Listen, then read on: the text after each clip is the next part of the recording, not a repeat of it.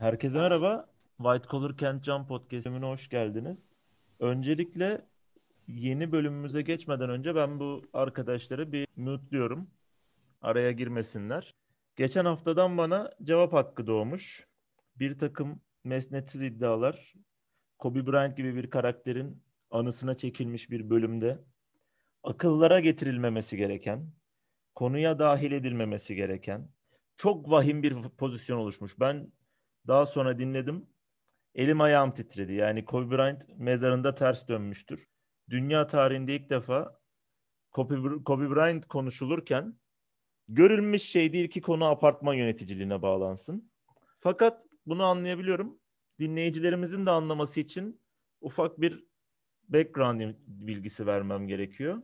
Burak arkadaşımızın aklına apartman yöneticiliğinin gelmesi çok normal bir durum. Çünkü Burak arkadaşımız hayatı bizimkiler tadında yaşıyor. Bunun koz yatağında yaşadığı bir tane adres de vereyim. Basacak olan bassın. Turkuaz maviye boyanmış iğrenç bir apartman var. Bizim bu arkadaşımız o apartmanın balkonuna atletiyle çıkar. Sabah çıkar, akşama kadar gelene geçene bakar. Kim hangi araba nereye park etmiş? Hangi dükkan iş yapıyor? Hangi dükkan iş yapmıyor? Bunları kafasına kaydeder. İçeri doğru arada bağırır. Bilmem kim beyler geldi, bilmem kim beyler gitti. Böyle bir hayat yaşar. Hayattaki de emeli bir gün apartman yöneticiliği noktasına çıkıp bu gözlemlerini pratikte sonuca ulaştırmaktır. Kardeşim arabanı oradan çek. Buraya bu dükkan olmaz. Efendim mahallemizde sizi istemiyoruz gibi Anadolu'yu buraya taşımanın, Balıkesir'i İstanbul'a taşımanın planlarını yapar yıllardır.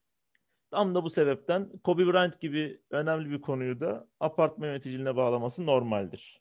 Diğer arkadaşımız da zaten 3 yaşından beri beyaz yakalı olduğu için akademidir, ideallerdir, bilimdir bu tip şeylere hor görmesini çok normal karşıladık. Akademik camiada ben bir kamuoyu yoklaması yaptım. İlkokul öğretmeni bana mail attı Deniz'in. Daha dedi 7 yaşındayken eğitime ve bilime yukarıdan bakacağı belliydi bu çocuğun dedi.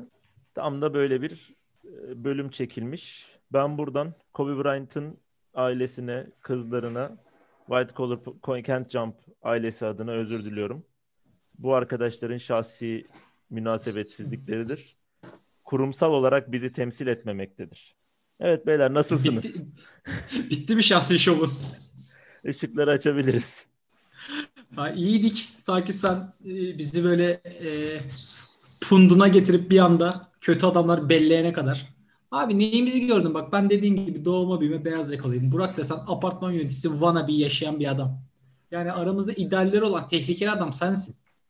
Valla ben neden apartman yöneticiliğinin ayaklar altına alındığını hayretle karşıladım tekrar yani. Yok efendim tek hayalini apartman yöneticiliği yapmak. Apartman yöneticiliği kolay iş değildir beyler. Yani onu bir söyleyeyim. Hatta onu biz kesinlikle bir söyleyeyim. Yani Marcel niye Marcel gibi okumuş yani, etmiş bir insan neden yapmıyor? Neden dedik yani neden? Neden yani? Kapıcılar Kralı'nda Kemal Sunal iç geçirirken ulan apartman yöneticisi olsam da bana da vodkama bir şey karıştırıp getirsinler diye. Yani bu kutsal görevi bilmiyorum ben insanları küçültmek için kullanmamıştım. Çok yazık. Parayla yönetici olunan apartmanlar var değil mi ülkemizde? Apartman değil de siteler var galiba. Evet. Şey, site olmasına gerek yok yönetici... ya. Apartman evet. Apartman yönetecek birini bulamıyor ya da kimse o göreve girmiyor. Geliyor birine devriliyor onlar yönetiyor falan. Değişik Merhaba, hakikaten bugün, ya. bugün basketbol konuşacak mıyız? Abi basketbol aynen bıraktığımız gibi devam ediyor. O konuyu e, dinleyicilerimizle paylaşalım. NBA tüm sıkıcılığıyla sürüyor. Biz bu bölümü çekmeden birkaç gün önceye denk geliyor. Biz sizin dinlemenizden birkaç gün önce çekmiş bulunuyoruz bölümü. Çok doğru bir karar alındı. E, tam gününü anımsamıyorum ama hiçbir sebep yokken, hiç kimse de koronavirüs çıkmamışken Detroit'e maç oynatmadı NBA. Dedi ki lanet olsun kardeşim. Sahaya çıkıp o, o işleri yapacağınıza oynamayın bugün dedi. Tadımızı kaçırmayın dedi. Çok doğru bir karardı. Altına imza atıyorum. Bir de All Star oylamaları var. Verdiniz mi oyları? Ben verdim. Biliyorsun ben gereksiz her şeye en ön sırada giderim. Tabii ki verdim. Hatta birkaç kere verdim. Canım sıkıldıkça günlük açıp veriyorum. NBA All Star oylamaları tabii günümüz NBA'in geldiği noktayı çok güzel açıklıyor bize. Malumunuz artık pozisyon bazlı bir oylama yok. Front court, back court oyları veriyoruz. Onda bile belli bir tartışma çıkıyor. Ya bu adam back court adam mı? Bu adam front court'ta da oynar. Uzundur, kısadır tartışmaları çıkmaya devam ediyor. Bugün de bunu konuşalım dedik. NBA'in e, iddialara göre 2020'lerin yeni basketbolu pozisyonsuz basketbol, herkesin top sürebildiği basketbol, herkesin şut atabildiği basketbol. Buraya mı evriliyoruz? Bu aslında nedir? Nereden başlamıştır? Nereye gitmektedir ve nereye varmak istemektedir? Gibi soruları cevaplayalım istedik. Var mı hızlıca bir konuya bodoslama girecek olan? Burak başlar mısın? İlk taşı günahsız ben mi atayım? Abi sen at bir taşı ya günahsız olarak. Ben arkadan geleyim. Yani eskiden pozisyonlar çok belliydi. Hani bir numara oyunu kurar, iki numara sayı atar, üç numara e, biraz ribant alıp biraz destek verir, dört numara biraz uzaktan şut atabilen büyük oyuncu, beş numara pota dilinden ayrılmayan çok uzun boylu kazma. Bu neredeyse her takım için genel geçerli. Bunların en büyük istisnaları aslında hep Avrupa'dan çıktı. İşte Tony Kukoc, e, Arvidas Sabonis, Mehmet Okur. Bu tarz adamlar aslında NBA'de biraz kalıpları bozardı. Yani istisna olarak tabii Magic Johnson falan neredeyse 3-4 numara oynayabilecek boyla guard oynadı ki o da onun tarihin en iyilerinden biri yapmıştı. Ama son yani 10 yıldır diyelim özellikle son 5 yılda çok daha abartılı ekstrem örneklerini görüyoruz. Pozisyonların pek önemi kalmadı. İlk 5'ler hatta e, ilk 5 yanlış e, seçilmiş 5'ler var. Mesela Golden State Warriors'ın bu şampiyonluğu aldığı 5 3 3 kere kazandığı 5 sene içerisinde şampiyonlukta hep bir deadline up'ı vardı ve daha kısa bir e, kadro ile oynardı. Bu kadro onlara böyle 8-10 dakikalık e, aralıklarda çok rakibi şaşkına çeviren durumlar yarattırıyordu. Ya da işte son birkaç sene Houston en uzunu bizim okulda bile pivot oynamayacak adamlarla pivot oynattı. Ee, bunun sebebi abi şu herkes şut atabildiği için saha çok genişledi. Yani pot altında birine verelim sırtını versin gitsin falan filan birebir savunma. Ya onların hepsi kalktı artık yani hem hücum hem de savunma çok kompleks hale geldiği için e, birlikten kuvvet doğar mantığıyla 5 kişinin gücünü birleştiren mekanizmalar ortaya çıktı. Şu an zaten lig hani geçilmiyor. Yani bir takımın e, oyun kurucusu bir numarası sözde başka bir takım pivotundan 15 santim uzun olabiliyor yani. Böyle anormal örneklerle dolu. E, burada hani biz muhakkak oyuncu konuşacağız ama ben baştan bir adamı çıkarayım hemen kenara. Çünkü o artık gariplik sayılmıyor abi. LeBron James aslında lige girdiği günden beri bunun en büyük örneğidir yani. Hani 5 numara oynamıyor diyelim de adam ilk 4 numaranın tamamını oynayabiliyor ve belli senelerde hakikaten asıl görevi 1 numara, asıl görevi 3 numara, asıl görevi 4 numara olduğu 50-60 maçlık serileri oldu adamın. Ee, ben gireyim burada.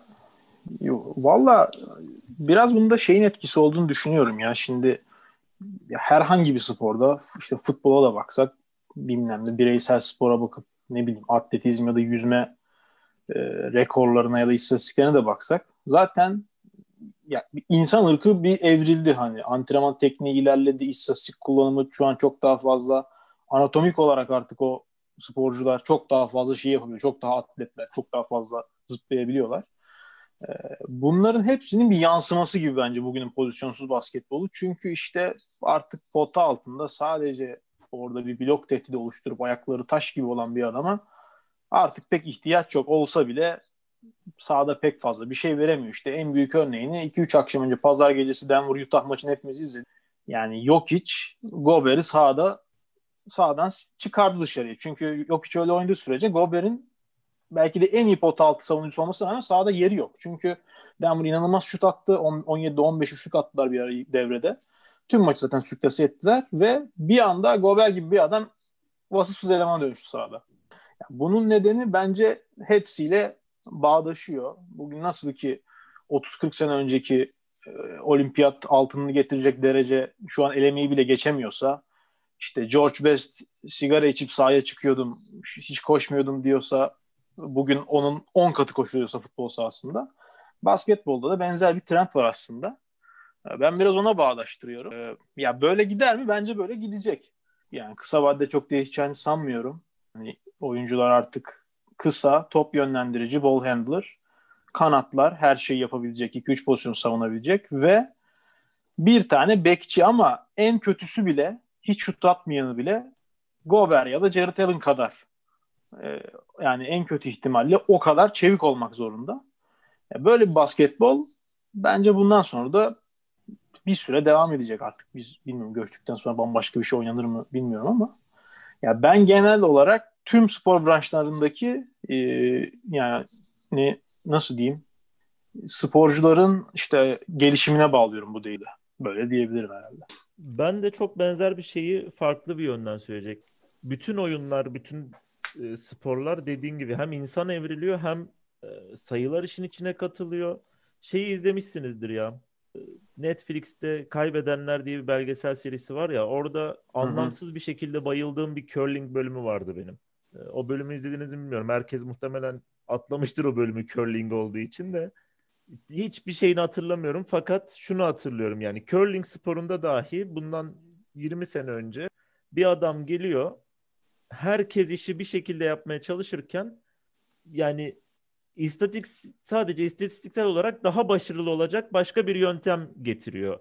Yani herkes e, açıyla to- şeyi atmaya çalışırken, taşı atmaya çalışırken bu bam gün milletin taşına vurma yoluna gidiyor ve son atışı kendi alıp o atışla kazanıyor sürekli. Yani olay her zaman şu anda kazanmaya doğru gidiyor ve bunu artık şu şekilde çıkarabiliyorlar. Eskiden bu çok daha zordu. Ee, kardeşim işte şu işi şu kadar, bu işi bu kadar yapınca, şu adamlarımız da şu işi yapınca kazanma oranımız şudur. Ruşak diye söyleyebiliyorsun. Sen bugün belki de tarihin en iyi futbolcusu olan Messi'ye gidip diyorsun ki rakipte top şuradayken sen şurada şu adama basacaksın. Bundan işte 30 sene önce, 40 sene önce muhtemelen ismini zikrettiğim biri olsun. George Best'e bunu söylediğinde ben çıkmıyorum maça diyordu muhtemelen. Adama basacaksın desen.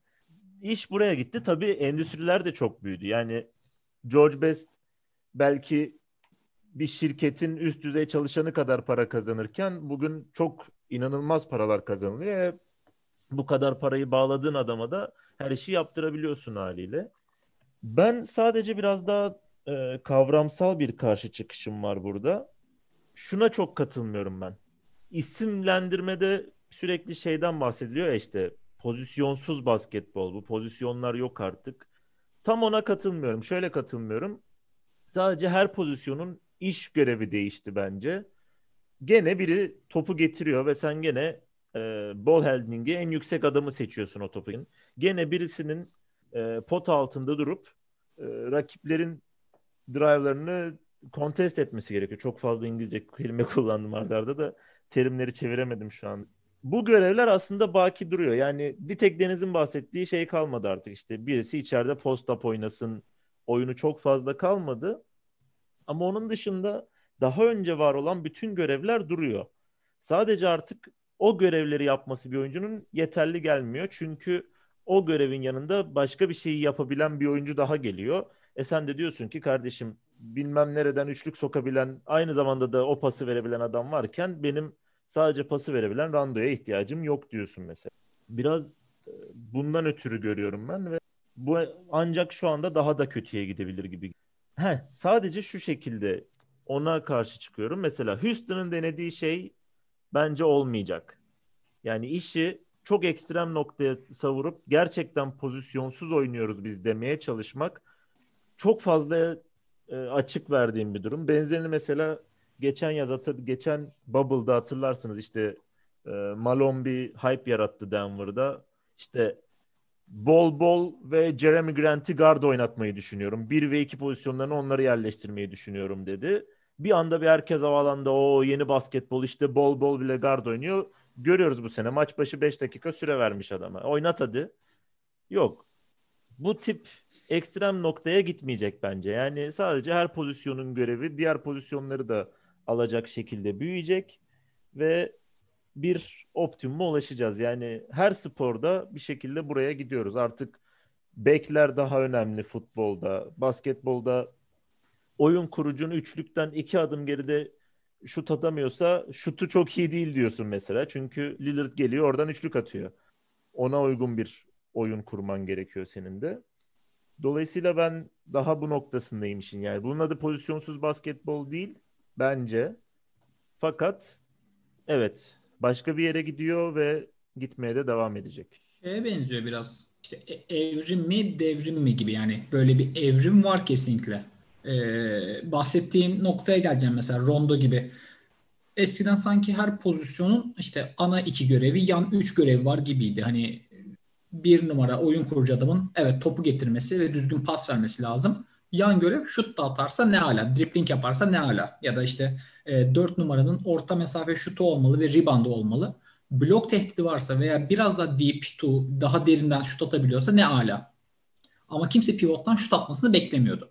Veya e, ismin Oscar Robertson değilse kimse guard'tan 10 rebound almanı beklemiyordu. Şu an hani bunların acayip homojen olarak dağıldığı belli. Her kimsenin iki asıl, üç yan görevi yok.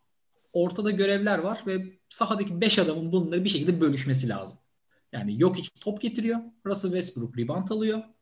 Ligin en uzun galiba üçüncü veya dördüncü ismi olması lazım. Kristaps Porzingis. Abi adam pot altında gören bana da haber versin. Yani pick and roll çıkışında smaç vurursa pot altında herif yoksa baya üçlünün bir metre gerisinden şut atarken görüyorum adamı. Ve yanda duruyor pas istiyor. Gelen topu mancınık gibi fırlatıyor herif. Sonra pot altına blok koyuyor. Veya Burak Ocak çok sever. Miles Turner. Yani hücumda full dışarıda, savunmada full içeride oynayan adamlar var. Veya tam tersi. Geçen sene Milwaukee benzerdi mesela. Ee, savunmada şey yaparlardı. Brook Lopez'i karşı takımın en uzun adamıyla eşleştirirlerdi. Hücuma gittiğin zaman Brook Lopez bayağı köşe üçlükçüsü gibi dururdu. Yanis ortaya girerdi.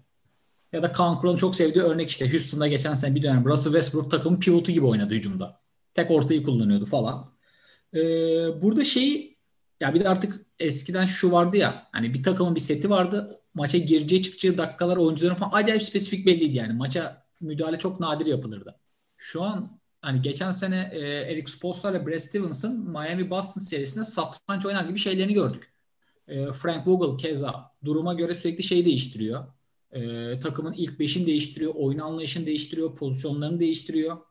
Çünkü elinde malzeme var ve karışık şeyler yapabiliyorsun. Eski statik e, kurallara bağlı şey kalmadı. Ben bunu pozitif buluyorum. Ama şey noktasında katılıyorum. Yani Houston gibi asla 2 metrenin altında 5 adamı sahada duramazsın abi saçmalık. Yani bu rakibi şaşırtmak için 10 dakika yapabileceğim şey bence en fazla. Ya o deney zaten artık rafa kalktı ya. Çünkü Houston'da dağılınca artık PJ Tucker'ı yine 5 numarada izleriz belki ama yani Rockets'tan pek fazla bir şey olmayacak. Ee, ya katılıyorum dediklerinize ayrı ayrı. Ee, birazdan şeyi de açarız hani bu yeni dönem basketbolun ya da pozisyonsuz basketbolun dezavantaj yarattığı bazı isimler de var. Yani o isimler çok kıymet veriliyor. Onlar da takımlarda belli başlı delikler açıyorlar. Ee, çok iyi örnekleri de var. Yok hiç gibi. Yani kağıt üstünde adam pivot olarak çıktığı bir takımda oyun kuruculuk namına her şeyi yapıyor yani. inanılmaz bir pasör. Her şeyi yapıyor. Yerden bir karış zıplayamayan bir adam bu. Ee, çok e, olumlu taraftan örnekleri de var. Ee, ya işte nasıl derler? Biraz aslında işte şeyler kaynaklı ya. Yani işte Daryl Morey herhalde bunun NBA'deki karşılığı. Moneyball filmini izlemişsinizdir. Brad Pitt'in oynadığı o hmm. işte Oakland Athletics'i anlatan yine istatistik biliminin sadece adam ona göre o istatistiklerin vereceği şeye göre oyuncu alıp bir sezonu ne kadar iyi geçirdiğini anlatıyor film ki gerçek bir hikaye. İşte Mori de bunu hep yıllarca Rockets'a empoze etmeye çalıştı. Olmadı ama bir noktaya kadar geldiler NBA finalinin kapısından 3-5 tane üçlükle döndüler yani. Ee, işte yine eskiden Rick Pitino hep e, hani ben yüzde 40'la ikilik atacağıma 30'da üçlük atarım abi deyip e, kolejdeyken bir devrim yapmaya başlamıştı. O devrim sürüklene sürüklene önce D'Antoni ile sonra Steve Kerr'le falan bugünün basketboluna kadar geldi. Bugün bazı takımlar kullandıkları şutun yarısından fazlasını üçlük olarak kullanıyorlar ve basketbol böyle bir noktaya evrilmiş oldu. Tüm bu işte istatistik bilimi, antrenman teknikleri vesaire vesaire şeylerle. Ama şeye de katılıyorum hani uzunlar hala uzun abi. O uzunun yarattığı zaaf pek kapanmıyor. İstersen 5 tane de üçlük at. Mesela işte Kristaps Porzingis bunun bence modern basketbolun kötü bir örneği. Çünkü yani o kadar uzun olup 2.21 boyunda bir adamın %40-45 ile şut kullanması maç içinde bana mantıklı gelmiyor. Çünkü o adam zaten pota altında hiç uğramıyor. Dediğin gibi blok yapsa bile yaptığı 2 milyon bir caydırıcılığı yok. Ee, yani durmuyor çünkü orada adam.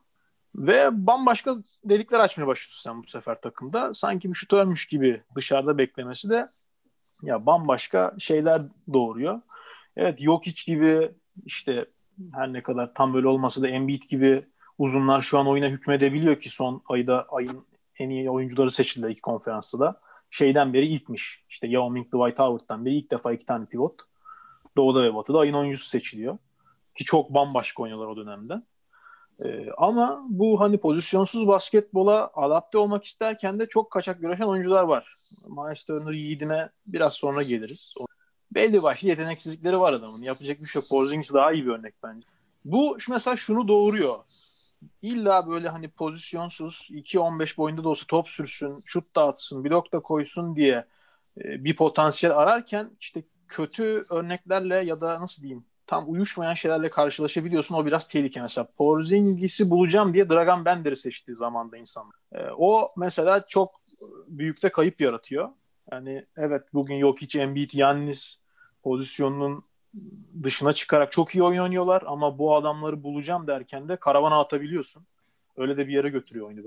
Ee, hani o konuda da söyleyeceklerim onlar. Biraz isimler üstünden gidebiliriz. Belki biraz da hani evet bugün yetenek seviyesi çok yüksek. Kesinlikle katılıyorum buna. Asla 90'lar basketbolun bugünden daha yetenekli olduğuna inanmıyorum. Ama bu da bugün oynanan basketbol en iyi basketbol demek mi pek emin değilim. Hani bugün maç izlerken benim içim sıkılıyor. Özellikle normal sezonda. Yani bir Brooklyn Washington oynadı geçen akşam işte. Maç sonu saçma sapan bitti. Westbrook üçlük attı falan. O mesele değil olur da abi yani ruhum daraldı ya. Getir getir at getir getir at. Ee, öyle de bir tarafı var. Siz neler düşünüyorsunuz? E, isimlere geçmeden ben çok ufak bir trivia gibi bir şey vereyim. E, şeyi hepimiz biliyoruz tabii. Paul Westhead'in Lakers ile başlayan o Run and Gun'ın NBA'ye belki ilk adımı o dönemler. Aynı dönemlerde Grinnell College'de oynanan bir basketbol var aslında. David Arsenault gibi bir ismi var koçun. Şu an net olarak bilmiyorum. Onun 6 tane kuralı var. Aslında şeyi görüyorsunuz. Yani adam işte daha sonra Sans'ın deneyeceği, Spoelstra'nın Heat'i oynatacağı falan o basketbolu düşünmüş ama kafa belli yerlerde karışmış. Onu görüyorsunuz. 6 tane kuralı var. Hızlı hızlı söyleyeyim. Benim çok hoşuma gitti. Bir şey diyor. İlk bulduğunuz şut en iyi şuttur diyor. Üçlükse daha da iyi şuttur diyor. Atabildiğiniz kadar üçlük atacaksınız. Savunmada rakibin tempoyu düşürmesine izin vermek yerine bırakın guard e, turnike bıraksın diyor. Biz üçlük atarız onlar ikilik atar diyor. Burada kafa karışmaya başlamış hissediyorsun. Top kimdeyse her zaman ikili sıkıştırma yapacağız diyor ve hücumda şutör hariç herkes hücum rebounduna gidecek diyor rebound almaya çalışacağız diyor. Hücum reboundını alırsak geri üçlüye çıkıp üçlük atacağız diyor. Geri turnike bırakmaya kalkmayın diyor.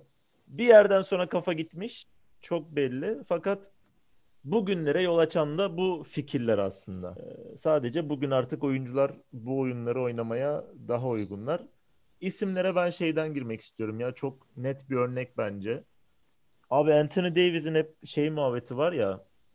Adam lisede bayağı guard boyunda guard oyunu oynayan bir guard aslında. E, o yaşa kadar o oyunu oynamış bir oyuncu birdenbire boyatıp lige forvet olarak gelip daha sonra da pivota evrildiğinde haliyle bunları yapıyor. Yani artık basketbol eğitimi de başka bir noktada. Bugün e, bu konuyu konuşacağımız belli olunca bir arama yaptım.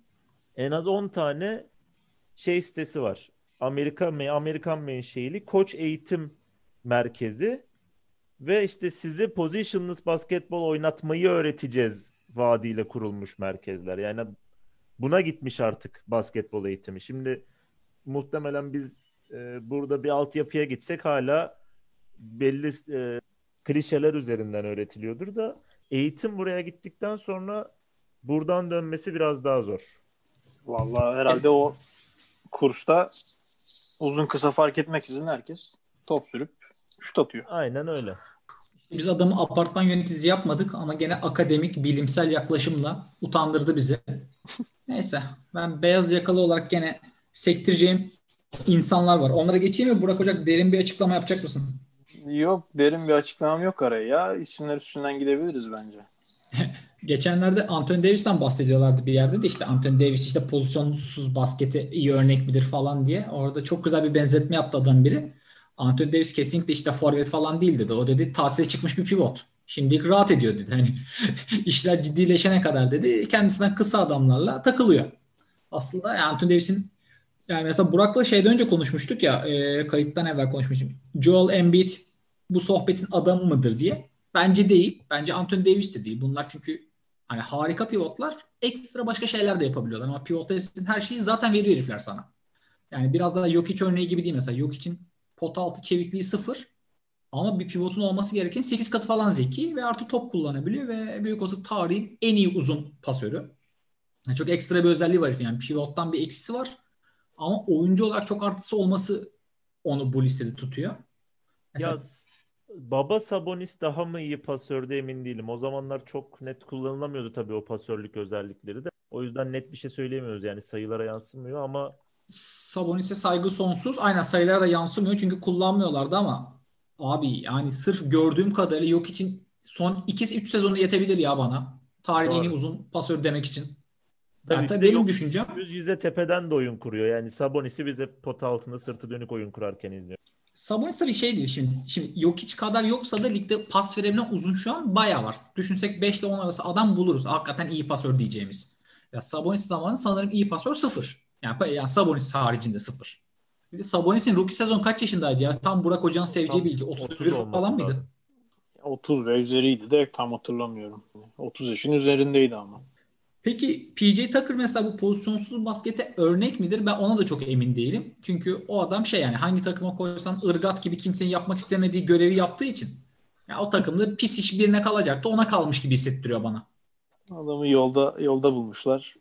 Pivot oynar mısın? Abi, Oynarım abi. Şeyden çok farklı bir oyuncu değil bence mesela. Josh Hart'la çok benzer bir oyuncu bence mesela. Josh Hart'ı biz yani kullanıyorsun forvet'te de kullanıyorsun da power forvet'te 2 veya 3'te oynatıyorsun aslında. Yani bunlar aslında reboundçu guard bu oyuncu. Yani PJ Tucker sana pot altı savunması sağlamıyor. Bir tabi Tucker'ın bir avantajı var. Çok iri yarı. E, mabadı oldukça yer kaplıyor pot altı. Rebound bir, belli bir avantajı var. Fakat ne, hangi pozisyonda oynatılırsa oynatılsın benim için hala PJ Tucker reboundçu bir guard yani daha fazlası değil. Pivot oynayabiliyor demem ben mesela PJ Tucker'a. Bundan bahsediyorum aslında yaştan beri. Bence pivot oynayamıyor PJ Tucker. Rocket PJ Tucker'ı o pozisyona alırken aslında pivotsuz oynamayı tercih ediyor ve zararlarını da görüyor. Aslında işte pozisyonsuz basket dediğim şey de o yani. O takımda pivot yok. O takımda pivot yok yani hiç kasmadılar yani o bakımdan. Yani bir adamın karşı takım pivotun savunması gerek. Yani o bir görev. Ama pivot hücumu yapan kimse var mı orada? Yani topu post-up'ta isteyip sırtını yaslayan, carçurt yapan yok zaten. Yani 5 kişi dışarı diziliyorlardı. Bir de e, şey de düşünmek lazım aslında. Pozisyonsuz basket tam doğru tabir olmayabilir. Pozisyonlar 5'ten 2'ye azaldı gibi. Top kullananlar yani wingler diyelim ve de büyük adamlar. Big yani wings and bigs belki burada tanımlama olabilir. Her takımın bir veya bazen 1.5-2 büyüğü oluyor. Olabilirse de 3 ile 4 arası wing'i oluyor. Bununla işte topu yere vuran, kendi kendine bir şeyler yaratabilen, şut, az çok şut olan adamlar. Ha, tabii ekstrem örnekler de var. Şimdi Anthony Davis yok hiç gibi adamın varsa adamda da her şeyi yapabildiği için yani gardın yapabildiği her şeyi yapabildiği için e, üzerine bir de boyu uzun olduğu için dezavantaj yaratıyor. Pozisyonsuz basketi o yüzden uzunlardan konuşmak çok doğru olmayabilir. Çünkü biraz yetenekli bir uzun başka pozisyona hemen kayabilir. Draymond Green'i mesela konuşmamız lazım belki. Olabilir. Draymond'ı konuşabiliriz. Benim aklımda yoktu o yüzden çok bir şey söyleyemeyeceğim. Sen Green hakkında konuşmak istiyorsan birkaç kelam et. tamam sana düşünme şeyi vereyim, süresi vereyim. Ya Draymond Green'in de mesela şeyi vardır ya e, iyi savunmacı, iyi reboundçı ve iyi pas istasyonu. Yani Draymond Green çok iyi pasör demem ben kesinlikle. Çünkü genellikle pasları ya e, handoff'tan veriyor. Yani doğru set yazıldığı için birinin kucağına topu bırakman gerekiyor gibi. E, ama bu görevlerini yapabiliyor. Adam savunmada evet pivotun yapması gereken şeyleri yapıyor. Karşı takımın uzunlarını caydırıyor. Blok tehdidi var. Top çalıyor. Çok iyi savunmacı. Yani ben Draymond Green'in hatta bir dönem hakkını yendiğini düşündüm. Yani e, sanki iyi takımda diye iyi adam zannedildiği varsayıldı. Bence hakikaten iyi adam. Ama hücumda sana ne veriyor konuşabiliriz mesela Draymond Green ile ilgili. Hücumda da sıfır adam yani. Pas istasyonu olmak için ne yapabiliyor? Ki senin bir takımda e, Rajan Rondo, Jason Kidd tarzı bir adamın var yoksa çok iyi bir pasöre ihtiyacın var mı tartışmalı bir konu. E, Draymond Green dışında şu an çok da aklıma işte Porzingis var sağ olsun iki senedir kendisini şeyde seçiyorum. Fantezide seçiyorum. Allah belasını versin. Oynadığı gün çünkü 25 sayı 12 rebound 2-3 blok veriyor. Sonra 4 maç oynamıyor ama. Abi bence Yani zaten galiba senin en seveceğin adam bence Karl Anthony Towns ya. Hem bu konuya çok uyuyor. Pozisyonsuz kesinlikle değil çünkü çok ağır bir oyuncu. Tam ya pivot dışında hiçbir yere koyamazsın. Pivotlar dışında kimseyi de savunamaz Towns. Ama kardeşim e, geçenlerde bugün sanırım notlarına baktım fantezide. Notta öyle diyor ki yani Covid'den dolayı oynamıyor ama diyor herkesten de uzun sürdü kardeşim bu adamın Covid'i diyor. Yani Towns'un gerçekten öyle bir olayı var. Herkesten uzun sürüyor sa- sakatlıkları, rahatsızlıkları. adamın bu arada benim talihime yani hiç şa- sakatlığı yok aslında yani yıllardır. Hani bu sene hiç gün yüzü görmedi. Gerçi o şey ya. Dedi ya Covid'den çok kişiyi kaybettim. Artık eski Towns yok. Ben çok değiştim. Başka bir adam oldum. Belli ki psikolojik de bir sıkıntısı var yani. Çünkü pek dönecek gibi durmuyor şu an. Evet Covid bir ay sürdü yani. Nasıl bir Covid'se. Towns Mesela- bence bu arada ola- olabilir ama şey evet dediğin şey hani e, yani sahadaki yan esnek hareket olarak o kadar fazla şey yapmıyor belki ama hücumda şutörmüş gibi, bu kırmış gibi 6-7 tane üçlük deniyor. Hani dışarı çıkmaya çıkıyor. Çok fazla şey yapıyor. E, buyur söyle. Sen bir şey diyecektin. Abi en pozisyonsuz adamlardan birini söyleyeceğim bu arada. Yani pozisyonsuz derken hiç yok bunda. 3-4 pozisyon oynayabiliyor değil. Hala birini bile oynayamıyor. Zion Williamson henüz bu modern basketbola ayak uyduramayanlardan. Eski tip bir 4 numara gibi gözüküyor en azından. Yani 90'larda olsa 4 numaraya koyarsın. Kafan rahat oynar orayı. Yani sırtı dönük biriyle baş başa kalabilse adam e, hayat çok güzel olacak onun. Şu anki bu basketbola hiçbir şekilde ayak uyduramıyor. Yanında Ingram'la oynadığı zaman işte şey denesen Ingram 4, Zion 5 denesen savunmayı yapamıyor. Ingram 3, Zion 4, 1-5 numara denediğinde herkes birbirinin üstüne hücum ediyor. Herkes aynı yerlerde bulunmak. Dolayısıyla bu tip bir tam o eski tip bir oyuncu Zion en büyük zararı da o görüyor. Herhalde eski tip oyuncu olup günümüzde en büyük potansiyel atfedilen oyuncu Zion'dır. Başka bir aklıma gelmiyor bu kadar. Muhtemelen. Ya ben Ben Simmons örneği verecektim ama o hani hücumda büyük potansiyel olduğundan değil. Ee, yani nasıl diyeyim? İşte bir LeBron, bir Magic Johnson kadar e, fizikli ve top hakimiyetli olmasına rağmen ya muhtemelen psikolojik bir nedeni var bu adamın. Hani potaya bakamıyor. Bu adam antrenmanda %100 de şut atsa maçta deneyemiyor. Bak şimdi yine açtım yine çıldırmamak elde değil. 6'da 1 atmış 20 maçta. Abi ya akıl akıl alacak bir şey değil yani. Hani bu işte ama hani bu işte bu pozisyonsuz basketbolun kötü tarafları bence bu. Ben Simmons, Kristaps Porzingis, Zion Williamson gibi örnekler. Çünkü bu adamları bir şeye oturtamıyorsun. Hani işte Miles Turner'a da evet dışarıda oynayan blokçu deniyor ama zaten kapasitesi belli. Blok katkısı veriyor, veriyor, şut atıyor, atıyor. Yanında Sabonis olduğu için rebounddan kotarıyor. Onu sen şey yapabiliyorsun, kotarabiliyorsun. Ama Ben Simmons gibi yani hiçbir türlü spacing açamayan Zion da aynı şekilde. Yani bu sene üçlük atıyor mu bilmiyorum. Atmıyor bence yine değil mi? 11'de Yok, 4 de- atmış. denemiyor, 19 doğru. maçta yani. Ya onları yapmadığın sürece ben bu tarz adamlar bence bu dönemin eksisi olarak yazılacak. Çok potansiyeli, çok iyi olsalar da e, o değişime pek ayak uyduramadıkları için uydurmaya çok niyetleri de yok. Hadi Zion Williamson belki ikinci senesi değişebilir ama Ben Simmons artık bence kesinlikle değişmeyecek. Dördüncü sezonu hala aynı adam. Daha da geri gidiyor hatta. İstatistikler düşüyor yani. Ee, işte Zion da buna örnek verilebilir. Porzingis de bence bunun kötü bir örneği. O da yanında mutlaka bir uzun yarenlik etmesi gerekiyor. Asla caydırıcı değil. Yani dışarıdan ben %40'la üçlük atarım ve bu seviyede oynarım gibi bir mantaliteyle ben sanmıyorum. Çünkü evet oyun çok değişti. Uzunlara eskisi kadar eski tip uzuna kıymet yok ama uzun hala uzun abi. Uzun hala rebound alması lazım. Hala yüksek yüzdeli oynaması lazım. Bunları yapmadığın zaman mutlaka düşüyor bir taraflardan. Onları söyleyebilirim ben de. Ya tam söylediğimiz şeyle alakalı aslında. Şimdi derdimiz artık şu diyoruz ya her pozisyondan daha fazla şey alayım. Yani pivot üçlük de atsın, pivot pas da versin veya dört numara top sürebilsin falan. Ee, Ama temel şart duruyor dediğin gibi. Sen eğer üçlük atabiliyorsan tamam e, okey ama pivotluk işi yapamıyorsan senin yanına gene o işi yapacak bir oyuncu daha koyman gerekiyor. E sahadaki hakkın artmadı senin. Senin hala 5 oyuncu hakkın var. Sen bir pozisyondan daha fazla şey elde etmeye çalışırken bir başka bir pozisyonu orayı kapatmaya harcamış oluyorsun. Sıkıntılı bir duruma sokuyor. Şeyi hatırlıyorum ben. Gene bu iş dışarı doğru ilk çıkan oyunculardan biridir. Aa Robin Lopez'in Brook Brook. Lopez. Ha Brook Lopez mesela. Ben şeyi konuştuğumuzu hatırlıyorum. 4-5 reboundla maç bitirdi.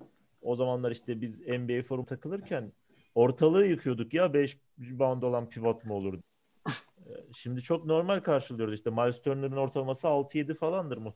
Şey aklıma geldi ya bu konuya başlamadan önce hiç abi Kevin McHale şu an mu- mükemmel bir pivot olurdu mu? Adam yıllarca Parrish'le beraber oynadı pota altında. Belki Larry Bird bile şu an pivot olarak kullanılıyordu bu ligde yani bugün oynasa.